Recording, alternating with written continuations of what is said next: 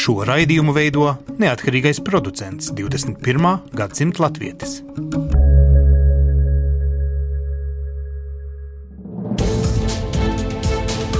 Septiņas dienas Eiropā piedāvā Eiropas radiotīkls Eironet.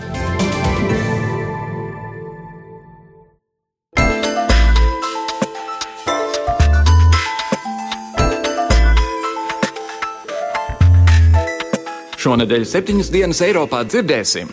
Būsim ļoti godīgi. Nevar sasniegt absolūtu drošību. We will forge a bold new positive role for ourselves in the world. Kas notiek šī cilvēka prāta?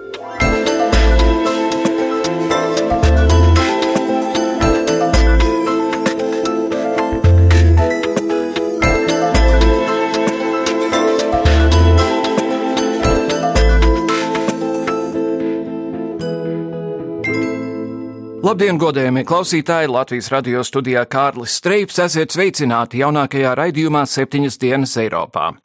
Francija, Eiropa, pasaule atkal šausmās, atkal sērās. Kārtējais terorists uzbrucis mūsu dzīvesveidam un vērtībām, uzbrucis nevainīgajiem un laupījis desmitiem dzīvību un nežēlīgi skāris simtiem ģimeņu.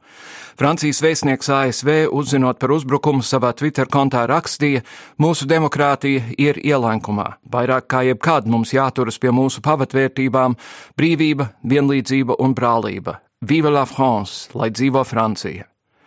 Francija tikko bija atviegloti nopūtusies, jo mēnesi garais Eiropas čempionāts futbolā beidzās bez terora uzbrukuma, no kā visi baidījās.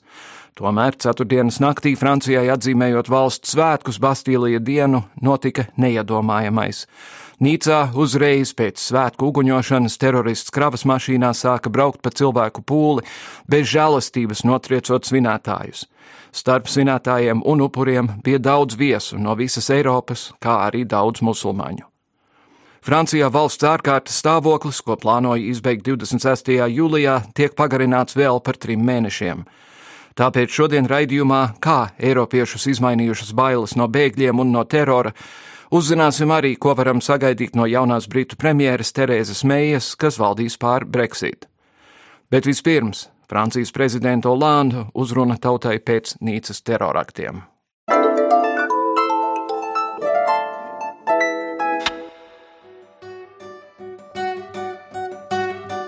Ceturtdien Francijā atkal noticis terorakts, kurā dzīvību zaudējuši vairāk nekā 80 cilvēki.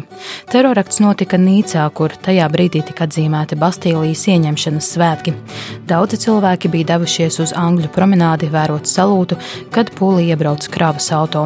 Aculiecinieki un izdzīvojušie stāsta, ka kravas auto braucis zigzagā pāri cilvēkiem, krūmiem, visam, kas gadījies ceļā. Francijas prezidents François Hollands to nosauc par teroraktu un solījis cīnīties ar teroru Eiropā. Eiropā. L'horreur, l'horreur de nouveau vient de s'abattre sur la France. Šausmas atkal ir piemeklējušas Franciju. Šonakt Nīcas pilsētā kravas mašīna iebrauca cilvēku polī ar ieceru uzbrukt, ievainot un nogalināt. Šobrīd mēs sērojam par bojāgājušajiem, tostarp vairākiem bērniem. Šo ārprātīgi vardarbīgo uzbrukumu var nosaukt tikai un vienīgi par teroraktu. Ir skaidrs, ka mums ir jādara viss, lai apkarotu teroru. Esmu izlēmis spēkā esošo ārkārtas stāvokli, kuram vajadzēja beigties 28. jūlijā, pagarināt par trīs mēnešiem. Likums, kas to nodrošinātu, tiks nodots parlamentam nākamnedēļ. Nekas neliks mums padoties mūsu cīņā pret teroru. Mēs turpināsim un pastiprināsim savu darbību Sīrijā un Irākā, vērsīsimies pret tiem, kuri uzbrukuši mums. Šī traģēdija ir šokējusi Franciju. Šis ir monstros uzbrukums desmitiem cilvēku, kuri bija sanākuši vienu vietu, lai atzīmētu Bastīlijas dienu. Francija ir sērās. Tā ir cietusi, bet vienlaikus arī ir stipra, un es solu, tā vienmēr būs stiprāka nekā fanātiķi, kuri uzbruka mums šodien. Que les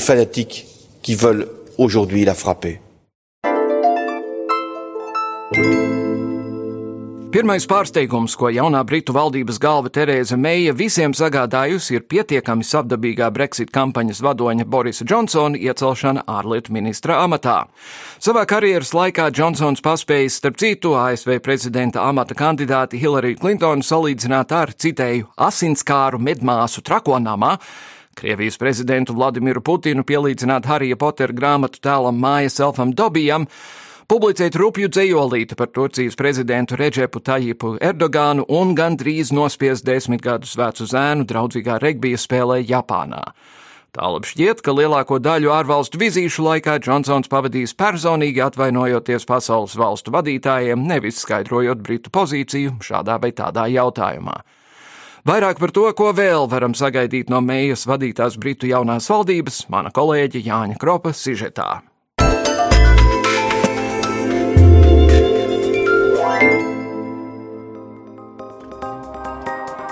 Terēza Meija ir kļuvusi tikai par otro sievieti Lielbritānijas premjerministri valsts vēsturē. Protams, viņu ļoti labprāt salīdzina ar Margaretu Tečeri.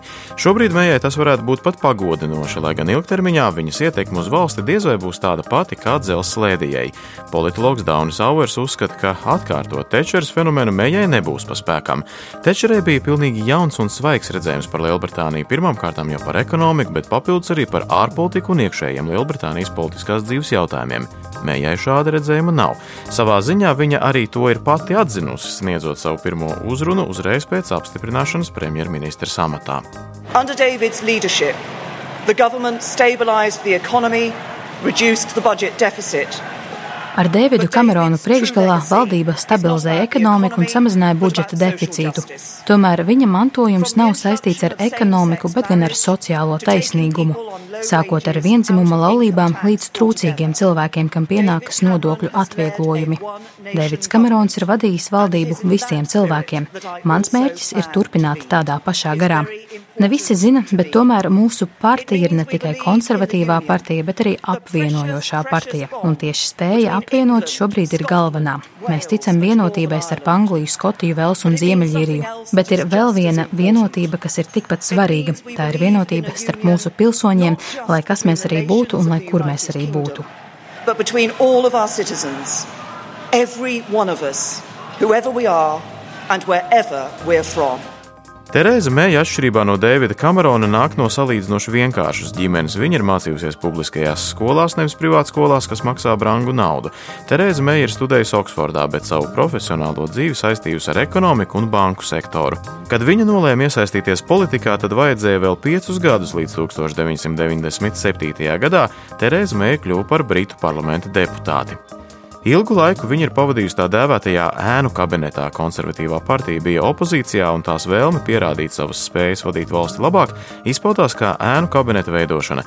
Konservatīvo politiķi skrupulozi sekoja valdības ministriem. Tā Terēza Meija nodarbojās gan ar izglītības un sieviešu līdztiesības jautājumiem, vēlāk ar transportu un sociālās labklājības jautājumiem. Meija bija tik veiksmīga, ka jau konservatīvo valdīšanas laikā viņa nonāca tuvu pie partijas vadības un arī darba valdībā. Tomēr ir kāda nianse, kas raksturo Meiju vislabāk. Viņa pati ir atzinusi, ka viņai nav izteiktas politiskās ideoloģijas pašas partijā. Meija sevi dēvē par konservatīvo partijas liberālā spārna pārstāvi, tomēr zinātāji viņu sauc par politiķi, kur ir gatava darīt visu, ko politiskā realitāte pieprasīs. Meija ir cilvēks, kas izdarīs to, kā saka, kas ir jāizdara, un šajā sakarā jāpiemina viņas jaunais ministru kabinets. Vērtējot jauno Lielbritānijas valdību, politikas zinātņu doktors Daunis Auers uzskata, ka Terēza Meija turpinās iesākto valdības kursu. Nekas izņemot Brexit, ministra portfeli nemainīsies. Tas arī ir arguments, kāpēc salīdzināt Meiju ar Tečeri būtu nevietā. Terēza Meija ir ļoti konservatīva un stabila un mērķtiecīga. Faktiski no visiem eh, konservatīvo partijas kandidātiem kļūt par premjerministru, eh, viņa ir tā, nu, tā visnopietnākā. Tāpēc uh, es domāju, ka mēs nekādas lielas izmaiņas Britu politikā neredzēsim, neskatoties uz to, ka viņa faktiski ir iecēlusi pavisam jaunu uh, ministru kabinetu un tikai daži no Davida Camerona uh, ministriem paliek. Bet lielos rāvienos viņa nemainīs Lielbritānijas kursu sociālā politikā, ekonomiskā politikā un noteikti arī ne starptautiskā politikā. Viens no izteiksmīgākajiem jaunumiem, protams, ir jaunais Lielbritānijas ārlietu ministrs Boris Džonsons. Viņš ir redzamākais Brexit politiķis, kurš turklāt kabinetā ir izkonkurējis pat it kā par līderi saukto Maiklu Govu. Džonsons pats žurnālistiem vismaz centās iegalvot, ka iekļūšana ministru kabinetā viņam ir liels pārsteigums. Yeah, very, very, uh... Acīm redzam, esmu ļoti pagodināts un lepns, ka man šāda iespēja ir piedāvāta. Manuprāt, Terēza Meija savā uzrunā pateica ļoti daudz par savām ambīcijām un veidu, kā konservatīvo partija var nodrošināt valsts attīstību. Mēs esam viensprātis, ka mums ir lieliski iespēja veiksmīgi izveidot jaunas attiecības ar Eiropu un arī pārējo pasauli. Esmu iedvesmots būt par daļu no šī procesa. Protams, lielākās bažas sagādā Džonsona spēja zināt, kad paklusēt. Viņš iepriekš ir izcēlies ar aizvainojošu dzējas rindu rakstīšanu par Turcijas valsts vīriem izcelsmes atgādinājumiem ASV prezidentam. Lai arī ASV jau oficiāli ir paudušas, ka attiecības ar Lielbritāniju ir īpašas un viens ministrs tās nevar samaitāt, žurnālisti, protams, ir jautājuši Džonsonam, vai viņam pašam nebūtu tā kā jāatvainojas dažiem valstu līderiem. Viņa atbilde bija lakoniska - Amerikas Savienotajās valstis šajā atvainošanās rindā būs pirmās. Tomēr nosaukt Džonsonu par muļķi, kas nu varēs ārdīties tik nopietnas valsts politikā, kāda ir Lielbritānija, nevar. Asociētais profesors Daunis Auers uzsver, Džonsons ir ļoti populārs politiķis un piedāvām viņš ir prasmīgi vadījis Londonas attīstību daudzus gadus. Viņa paņemšanai valdībā ir ļoti liels politisks apsvērums. Džonsonam ir tāds tēls, kad viņš ir klauns vai āksts, bet faktiski viņš ir ļoti gudrs politiķis. Viņš divas reizes ir ievēlēts kā Londonas mērs. Londona ir lielākā pilsēta Eiropā ar 8,5 miljonu iedzīvotājiem, tātad lielāka par visām Baltijas valstīm. Tad, nu, pirmkārt, viņš ir kompetents politiķis. Otrakārt, Terēzai bija jāņem Džonsona valdībā, jo Džonsons ir vispopulārākais konservatīvo partiju politiķis starp konservatīvo partiju biedriem. Un biedriem ir tāda daļēji skepse uh, pret Meju, jo viņa bija pret uh, Lielbritānijas izstāšanos no Eiropas Savienības. Viņa sevi dēvēja par tādu reluctant remainer, tātad, nu, ka viņa tā nelabprātīgi atbalstīja uh, palikšanu. Un tātad, lai biedriem nebūtu skepse par to, ka viņa tiešām uh, nodrošinās Lielbritānijas izstāšanos no Eiropas Savienības, viņa bija spiesta arī paņemt Boris Džonsonu uh, kā ārlietu ministru. To, ka Borisam Džonsonam nebūs tiešas teikšanas par Brexit, Meija ir parūpējusies. Viņas kabinetā ir atsevišķs ministra portfelis, kas gādās par izstāšanos no Eiropas Savienības. Tomēr iespēju, ka Brexit varētu nenotikt, noraida politologs Daunis Auers. Tāpat Brexit kā svarīgāko apstākli savā valdības darbā uzsvērus arī pati Terēza Meija. Mēs šobrīd dzīvojam ļoti svarīgā un valstī izšķirošā brīdī. Sekojot referenduma rezultātiem, mēs saskaramies ar pārmaiņām visas nācijas mērogā. Es zinu, ka mēs tiksim galā ar izaicinājumiem, jo mēs esam Lielbritānija. Tā kā mēs aizējam no Eiropas Savienības, šajā mirklī mēs varam radīt sev jaunu realitāti pasaulē, un mēs varam izveidot valsti tādu, lai tā darbotos visu, ne tikai privileģēto labā. Tas ir manis vadītās valdības mērķis, un kopā mēs uzcelsim labāku Britāniju. Britain. Davida Kamerona atkāpšanās no amata nav pazīme, ka Lielbritānijā kaut kas mainīsies. Šīs valsts politiskā kultūra liek premjeram reaģēt uz lieliem notikumiem, kas parāda lielas daļas sabiedrības neusticēšanos viņa politikai. Terēza Meija neko jaunu, izņemot Brexit, Lielbritānijā nenesīs. Tās politika nemainīsies, cik tālu to nevajadzēs mainīt sarunās ar Briseli. Lai arī Terēza Meija ir konservatīva politiķa, viņa ir arī ļoti pragmatiska. Viņa nedarīs neko tādu, kas apdraudētu partijas intereses, un neko tādu, lai nereiķinātos ar Brexit balsotājiem. Thank you.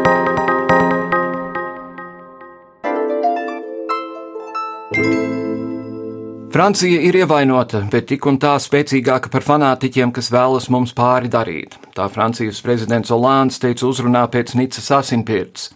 Tomēr, spriežot pēc vērā ņemamā ASV institūta Pew Research Center tikko publicētiem aptaujas rezultātiem, varam secināt, ka Eiropiešu prāt bēgļu krīze un terorisma draudi ir ļoti lielā mērā savstarpēji saistīti, un lielākā daļa Eiropiešu baidās, ka bēgļu pieplūdums palielinās teroraktu riskus.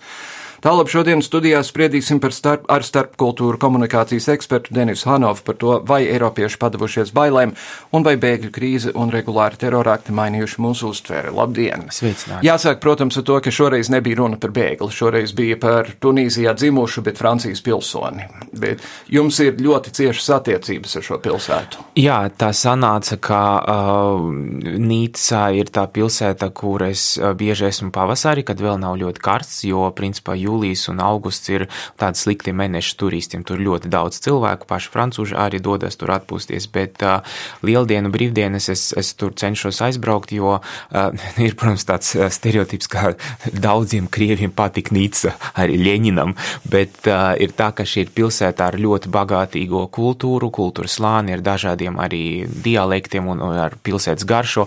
Tas sanāca, ka es staigāju arī pa šo promenādi, un tas viss ir noticis burtiski blakus manai viesnīcai, un tādēļ tas šodien man ļoti arī ievainoja personīgi, kaut arī tulīt ir jāatzīstas, ka mēs Eiropieši arī esam egoistiski. Tad, kad Sīrijā kaut kas notiek, un ir, ja tur kāds kaut ko uzspridzina, ja tur iet boja cilvēki, teiksim, lūkšana laika vai kādu, teiksim, reliģisku svētku laiku, nu tad mēs redzam, kā arī mēdījos tas, nu tā ir tā margināla. Nu, piemin to, ka tādas, tādu fona statistiku, pie kā mēs esam pieraduši, tā kā jāatzīstas, ka, protams, arī nu, Eiropa ir egoistiska. Bet no otras puses, tas, kas man vairāk šeit interesē, kā cilvēku, kuru satrauc arī demokrātijas, teiksim, kvalitāte arī, arī šeit pie mums Latvija un Eiropa kopumā, kāds, kāda ietekme būs šiem teroraktiem uz Eiropas demokrātijas kvalitāti un apjomu.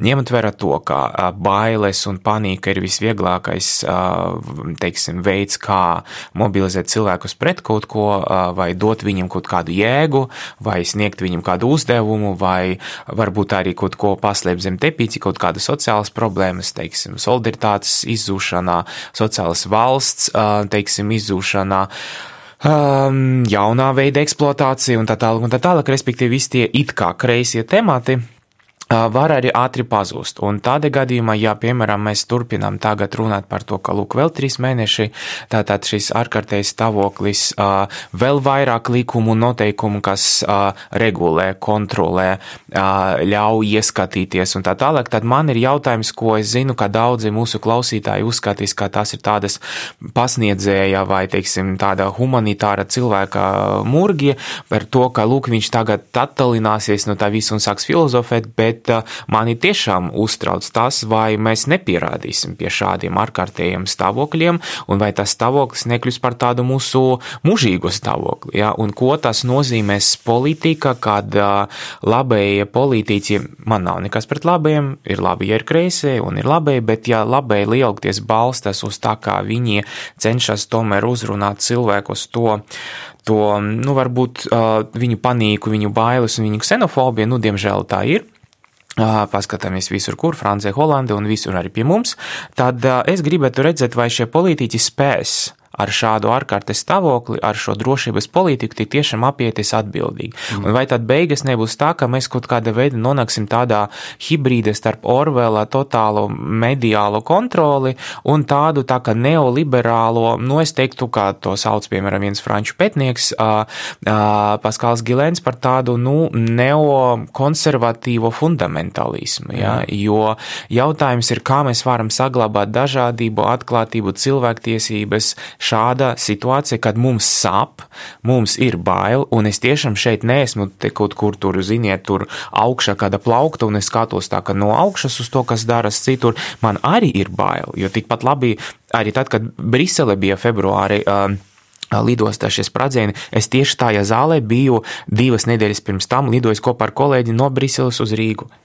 Es arī varu jau vairākas reizes būt, teikt, nogalināts, bet Un tādēļ te ir jautājums, kā šāda ārkārtīgi sarežģīta situācija medijos paust šādus vestījumus par drošību un demokrātiju. Un es ļoti, ļoti esmu skeptisks pret uh, Eiropas politiķu prasmēm to nokomunicēt, jo ļoti, ļoti liela vēlme daudziem ir uz tā rēķinā daudz ko sakt kontrolēt. Sākot jau ar Brexit kampaņu, kas lielākoties bija par to imigranti. Jā, slikti, jā, mēs redzam, kā cilvēkus principā apmuļķoja. Apmuļķoja pamatīgi, intensīvi intensīvi izmantoja dzelteno presi, izmantoja to, ka cilvēki ir nabadzīgi.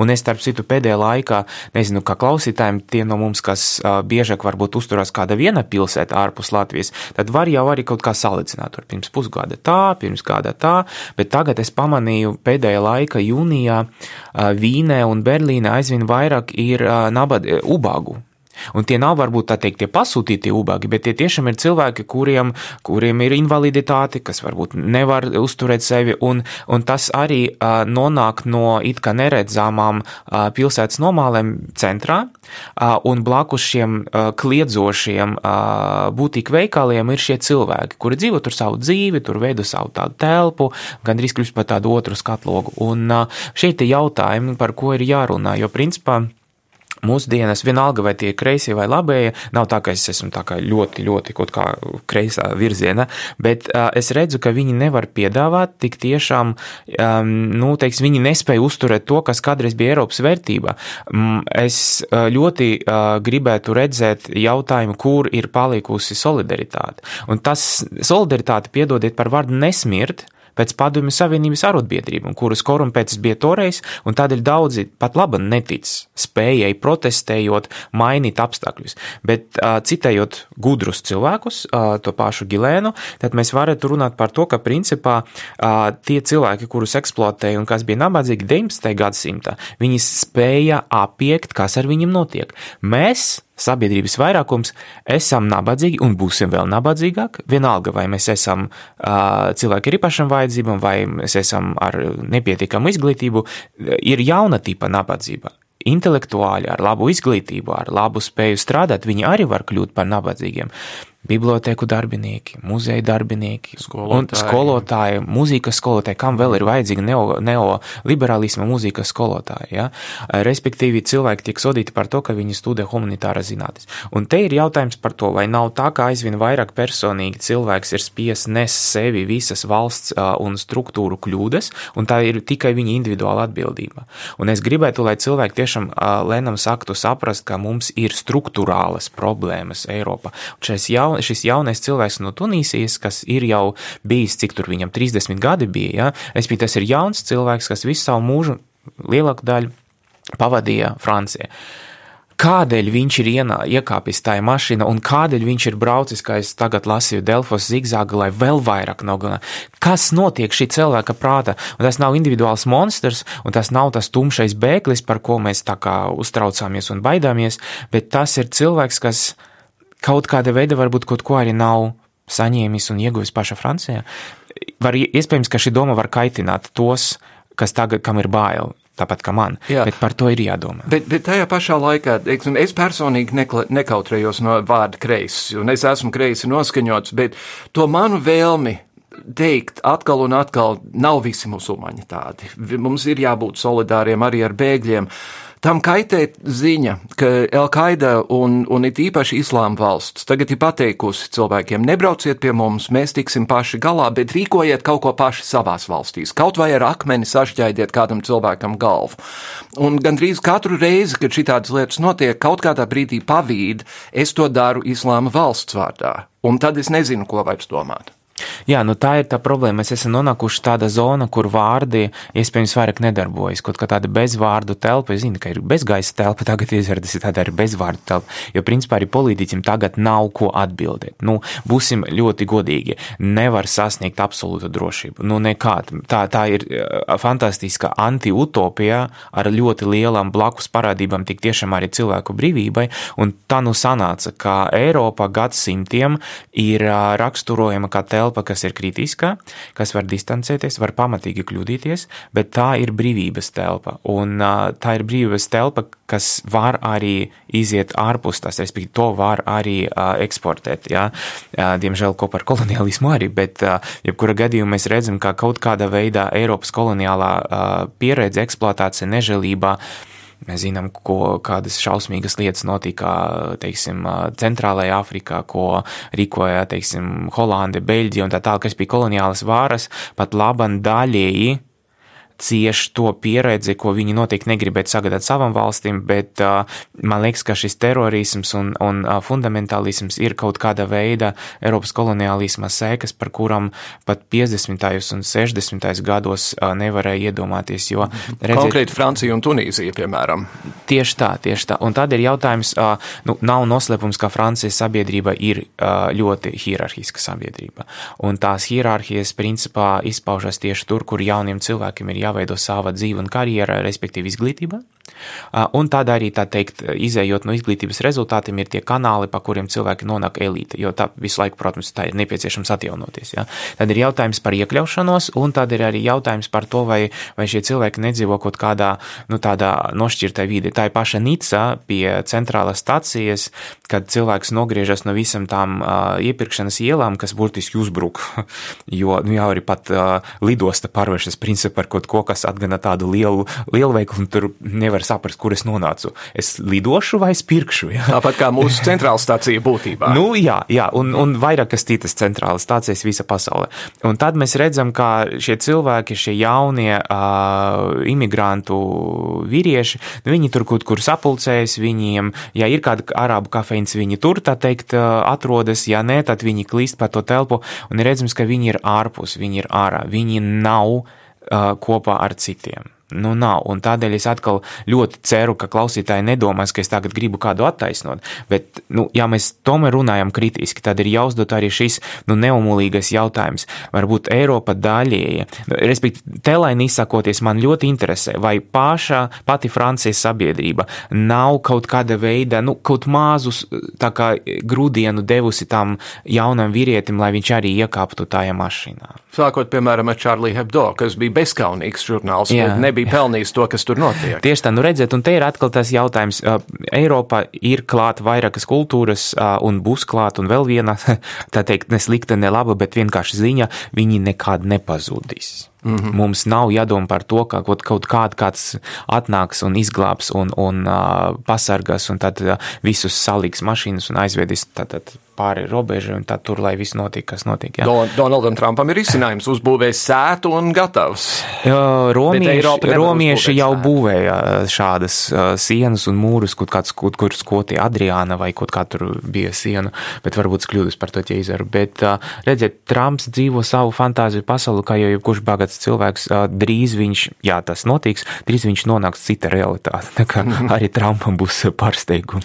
Bet, kā, bet kas tādā gadījumā, jūsuprāt, ir svarīgākais? Jo te liekas divas iespējas. Viena ir uzlabot dzīves stāvokļus tā dēvētajos banlieue vai, jā, vai jā, priekš, priekšpilsētās.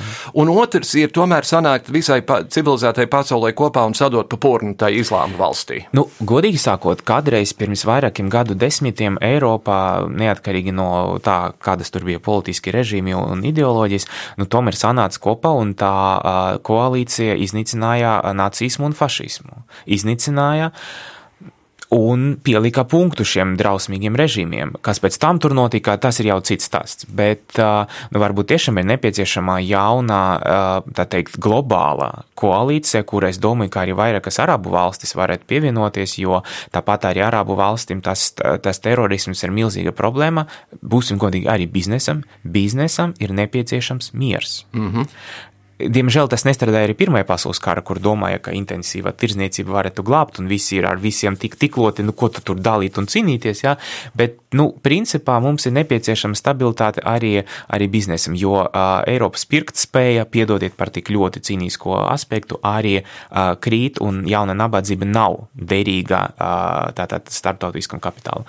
Respektīvi, es domāju, ka mums ir nepieciešama varbūt tiešām uh, tāda koalīcija, kas varētu gal galā pielikt punktu. Otrais jautājums, mēs labi zinām, ka ekonomiskie teiksim, mehānismi, slepeni mehānismi vai tie, kurus mēs neredzam, arī var principā kontrolēt politiku, var bloķēt, var, var būt. Es, protams, saprotu, ka skan drausmīgi stulbi, jo es neko neiedzu no ekonomikas, izņemot to, kā es varbūt varu pelnīt un terēt, tas ir viss, bet es domāju, ka arī ekonomiski var sākt bloķēt šādu, varbūt vairs, nu, tā gluži nekontrolējamu procesu, jā, un te ir arī jautājums pašam arabu valstim, jo, būsim godīgi, uh, islāma valsts to kāds finansē.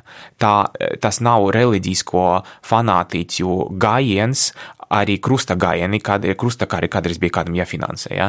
Līdz ar to, ja sākt bloķēt to finansējumu, tad principā daudz kas vairs nebūs iespējams. Mm -hmm. Protams, būs atsevišķi cilvēki, kuri, kā jūs minējāt, atsauksies šādam drausmīgam aicinājumam, bet Tātad es domāju, ka ekonomiski, un tad, protams, ļoti viegli var pietuvoties sazvērestību teorijām.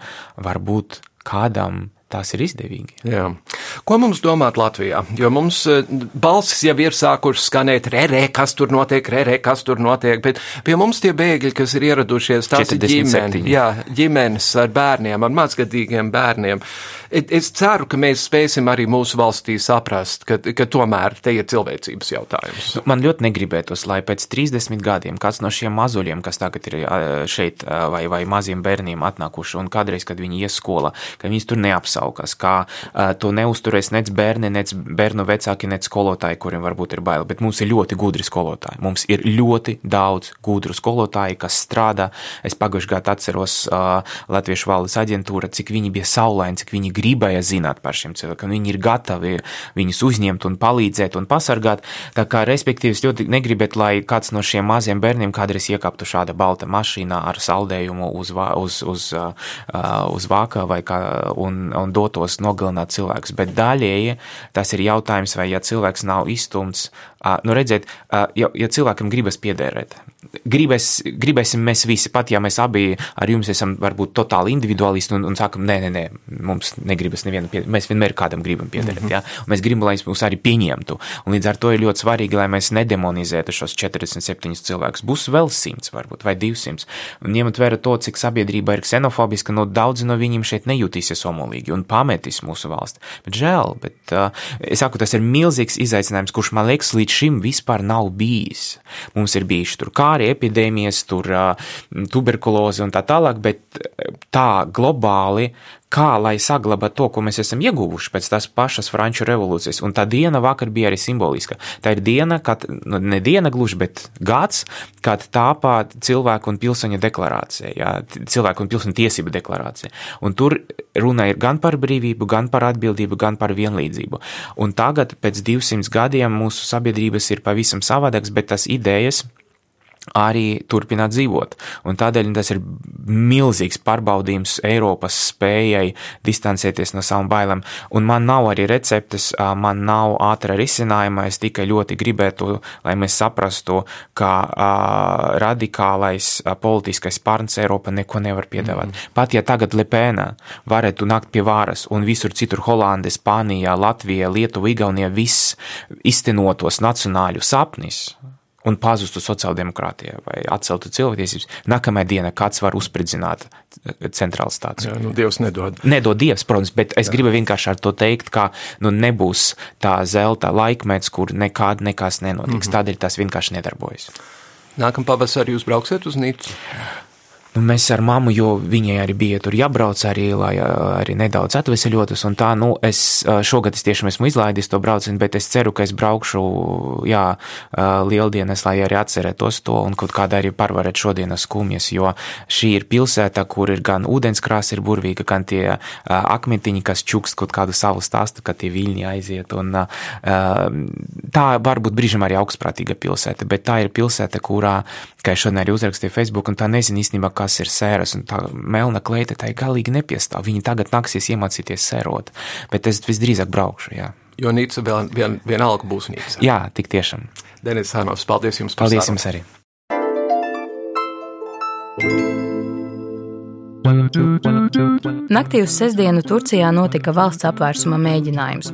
Tas izgāzās un jau rīta pusē sākās aresti. Šobrīd to skaits jau ir sasniedzis 6000 cilvēku, no kuriem aptuveni puse ir prokurori un tiesneši.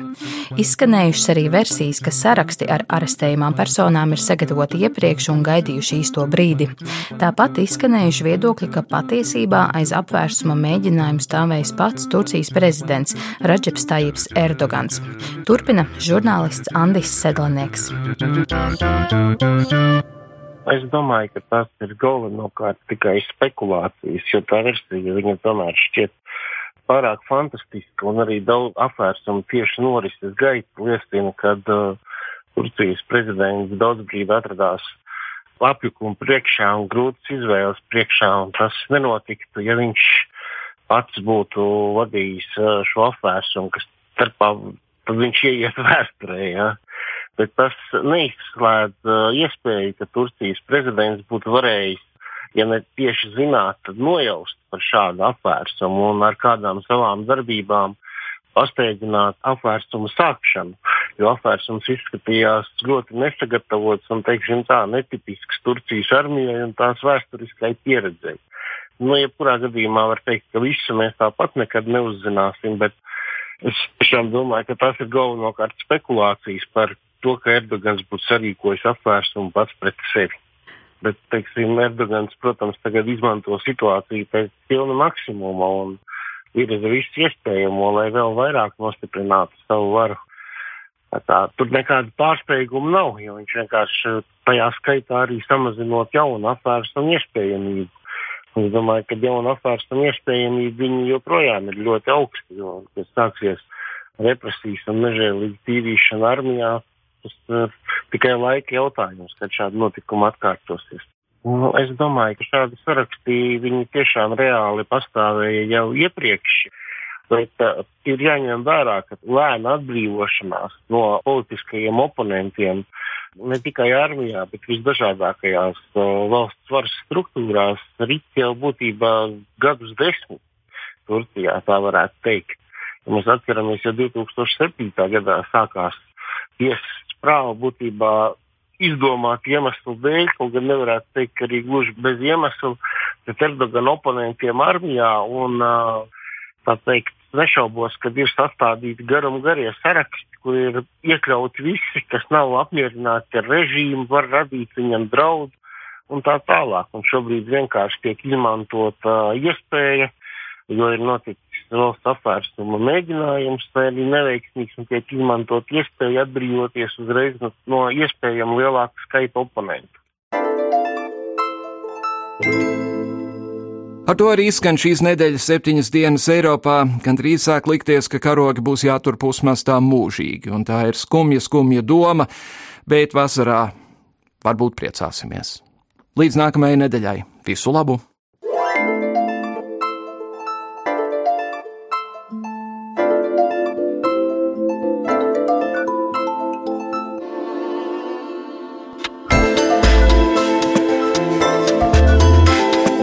Raidījumu veido Kārlis Streips, Ieva Valēne un Jānis Krops. Raidījuma producents Lukas Rozītis.